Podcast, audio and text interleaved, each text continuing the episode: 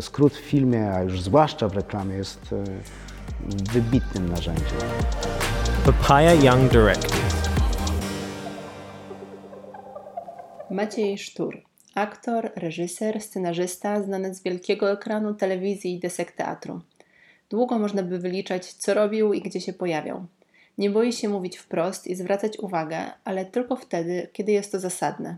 Nam opowiedział o roli aktora na planie i o relacji, jaką powinien z aktorem budować reżyser. Rozmawiała Anna Zalewska. Zacznijmy od podstaw. Jaka jest rola aktora według Macieja Sztura? Jaka jest rola aktora w filmie? Mój ojciec mi dawno temu powiedział, że jak zaczynałem drogę swoją zawodową, to mi powiedział: Niech ci się nie wydaje, że w filmie coś grasz. Dostarczasz materiału do montażu.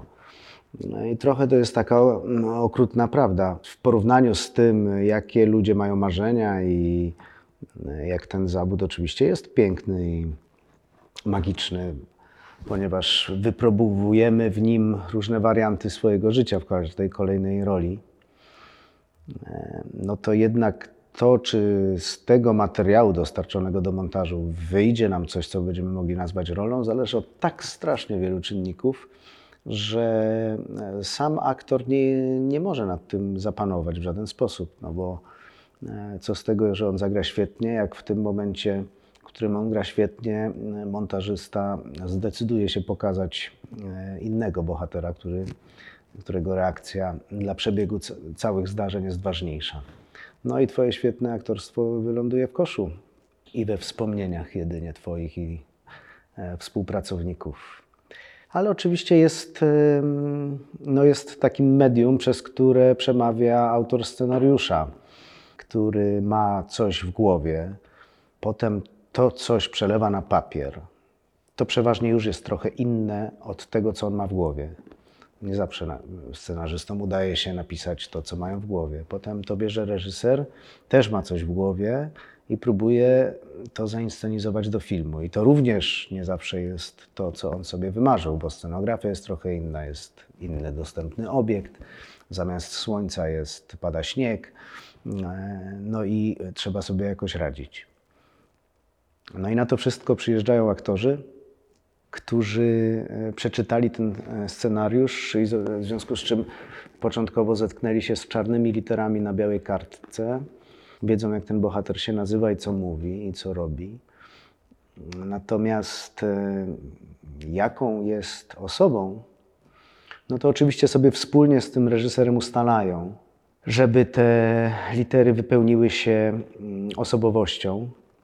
I znowuż ten aktor ma coś w głowie, ale nie zawsze e, potrafi dokładnie oddać, grając to, co ma w głowie. Więc na każdym etapie może dojść do jakiejś zmiany. To nie jest, nie zawsze to jest niestety zmiana na lepsze. Często mamy w głowie piękne rzeczy, a wychodzą nam trochę gorsze. Najczęściej niestety tak jest, ale czasami bywa też odwrotnie. I wydaje mi się, że czasami, nie jest to chyba zbyt często, ale czasami aktor może wnieść do tego świata wymyślonego przez scenarzystę coś więcej niż ten scenarzysta nawet się spodziewał. I często bywa tak, może czasami bywa tak, że aktorzy wiedzą o swoich postaciach po całym okresie przygotowawczym więcej od tego reżysera, czasem nawet od scenarzysty, bo oni sobie dopowiadają wszystko to, czego nie widzimy w tym filmie, czego nie ma w tym scenariuszu. Oni się zastanawiają, z jakiej rodziny pochodzi ta, ta postać, e, co przeżyła, jaki, jak reaguje, jak go ktoś zawoła na ulicy, to czy się szybko obejrzy, czy wolno, czy w ogóle się nie obejrzy. E, no i wypełniają te litery wszystko to, co jest e, niezapisane. I wnoszą swoją jakąś osobowość w, w tę historię. No więc tutaj w, w tym rejonie jest chyba największa ich twórcza możliwość, jeśli taka w ogóle istnieje. No bo poza tym, no to dostarczają e, materiału do montażu. Wydaje mi się jeszcze, że aktorstwo jest bardzo mocno związane z fizycznością. I to, jak wyglądamy, ma e, często dużo większe znaczenie od tego, jak gramy. No i, i ta nasza fizyczność czasem bywa atutem, czasem bywa obciążeniem pewnym, no bo pewnych, pewnych em, problemów i granic nie przeskoczymy poprzez, e, z powodu naszej fizyczności. Ja sam straciłem kilka ról, bo na przykład byłem za stary, albo za młody, albo za chudy, albo za gruby, a nie dlatego, że coś źle zagrałem. Więc ta fizyczność jest ważna i oczywiście rodzi się też takie py py pytanie, czasami trochę dylemat, na ile w, w różnych rolach powinniśmy się też zmieniać. Aktorzy by chcieli się zmieniać, grać róż, różnorodne role, inne postaci. I często też ja przystępując do kolejnej roli, jedno z pierwszych takich moich pytań i wspólnych debat jest to, jak ta postać będzie wyglądać, jaką będzie mieć fryzurę, czy ścinamy włosy, czy zapuszczamy, czy zarost, czy e, tyjemy, czy chudniemy do roli, jakie kostiumy, jak się w nich poruszać i tak dalej. No to tak, tak e, bardzo ogólnie mówiąc, czym jest aktor w filmie. A co w tych słowach na papierze musi być, żeby zainspirować? Co musi być w słowach, w scenariuszu, żeby aktora zainspirować? Najbardziej inspirujące to jest to, czego nie ma w słowach, czego nie ma w scenariuszu. I w tych najlepszych scenariuszach właśnie jest, są tylko ślady tego, co mamy wytropić. A najgorsze scenariusze to są takie, gdzie wszystko jest napisane, a już najgorzej jak w dialogu ależ jestem zmęczona i w depresji z powodu śmierci Ludwika. Prawda? Jeżeli aktorka musi wygłosić takie zdanie, to właściwie nie ma już żadnego marginesu mm, na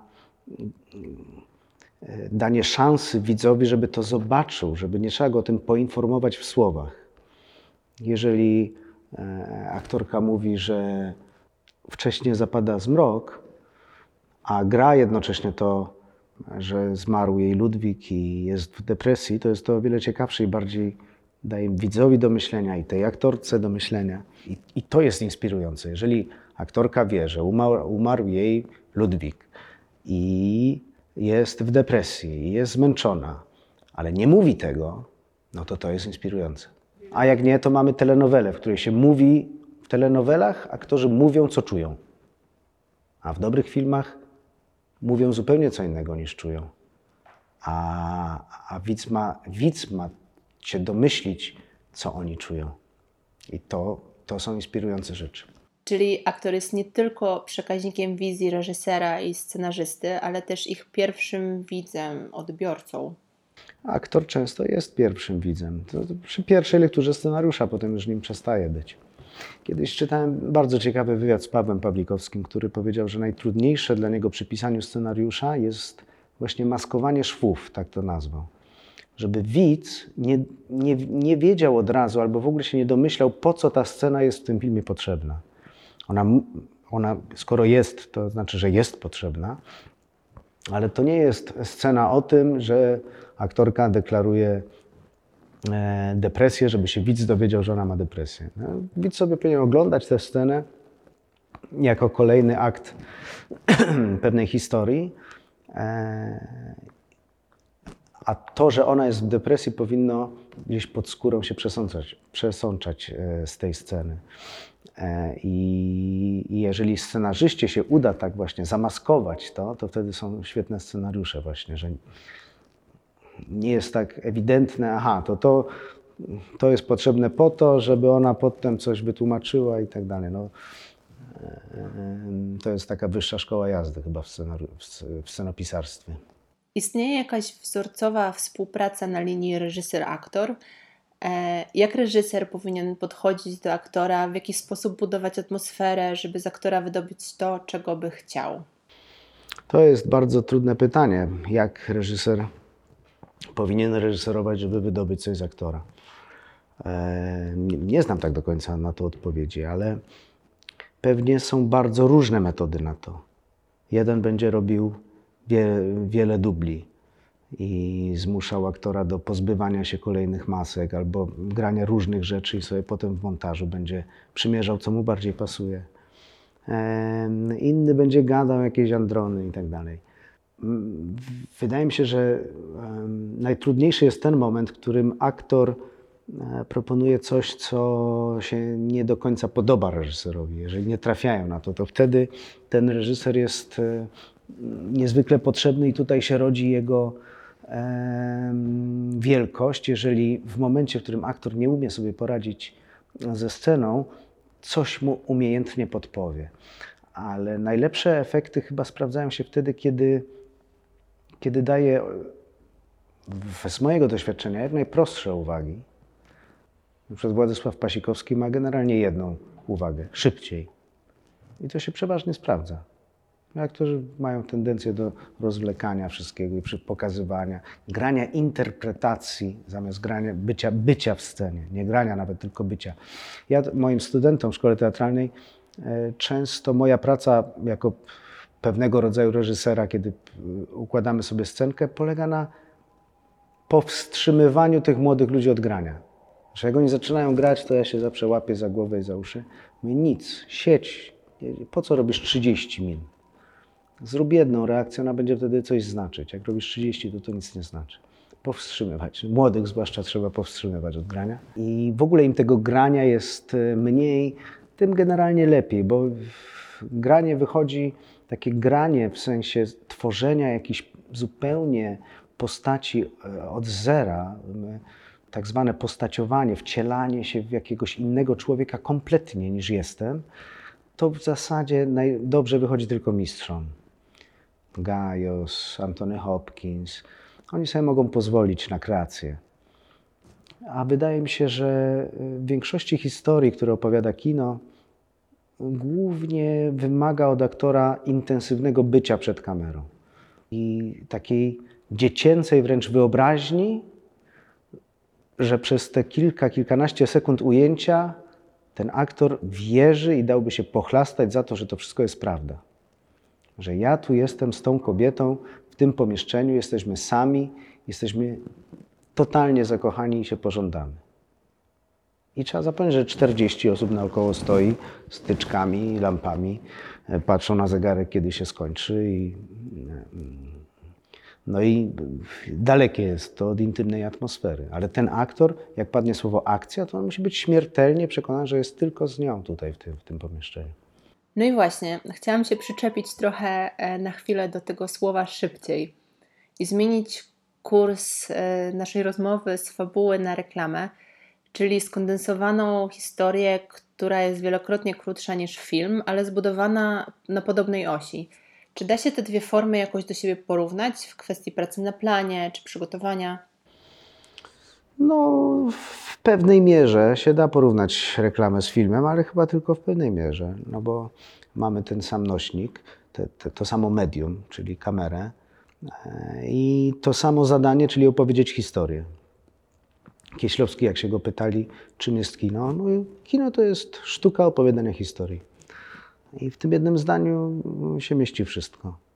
I reklama też jest, e, powiedziałbym, w pewnej mierze dużo bardziej skomplikowaną sztuką, kiedy czasami w 30 sekund trzeba opowiedzieć historię. Mm, w związku z tym potrzebny do niej jest, wydaje mi się, bardzo duży warsztat. E, I przeważnie w reklamie lądowali ci, którzy warsztatowo sobie najlepiej radzili: operatorzy, e, reżyserzy i scenarzyści. No bo nie ma szansy na najmniejszy błąd bo każdy błąd w ogóle eliminuje skuteczność. E, natomiast to jest tak. Ja pamiętam, jak chodziłem do szkoły muzycznej i grałem na fortepianie.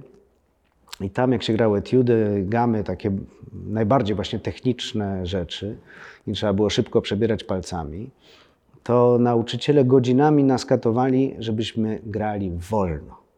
By nas nie ciągnęło do tego tempa, które e, będzie potrzebne na końcowym egzaminie.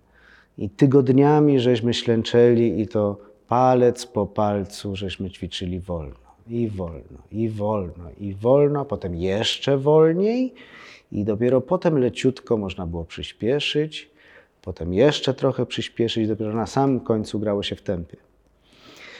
No e, i trochę jest, e, tak mi się wydaje, e, analogicznie w świecie reklamy, że trzeba mieć bardzo solidny warsztat e, filmowy, żeby mm, w reklamie się mm, dobrze poruszać, że od takiej wolnej pracy przejść do takiej krótkiej, szybkiej formy. Bo niebezpieczeństwo polega na tym, i niestety widziałem bardzo wiele karier e, świetnych reżyserów, którzy na przykład robili super debiut kinowy. Natychmiast ich wciągała reklama, ponieważ e, byli świeżym mięsem, które, które doskonale się nadawało do wykorzystania w reklamie. E, zarabiali tam pieniądze i wpadali na całe lata w ten świat, z którego nie potrafili wyjść, no bo e, może jednak większy basen by się przydał. Po paru czy parunastu latach albo wypalali się i, twierdzi, i czuli, że chcieliby, marzą o tym, żeby wreszcie wrócić do filmu i zacząć opowiadać historię na dużym ekranie Albo reklama ich wypluwała, bo przychodzili młodsi i zdolniejsi.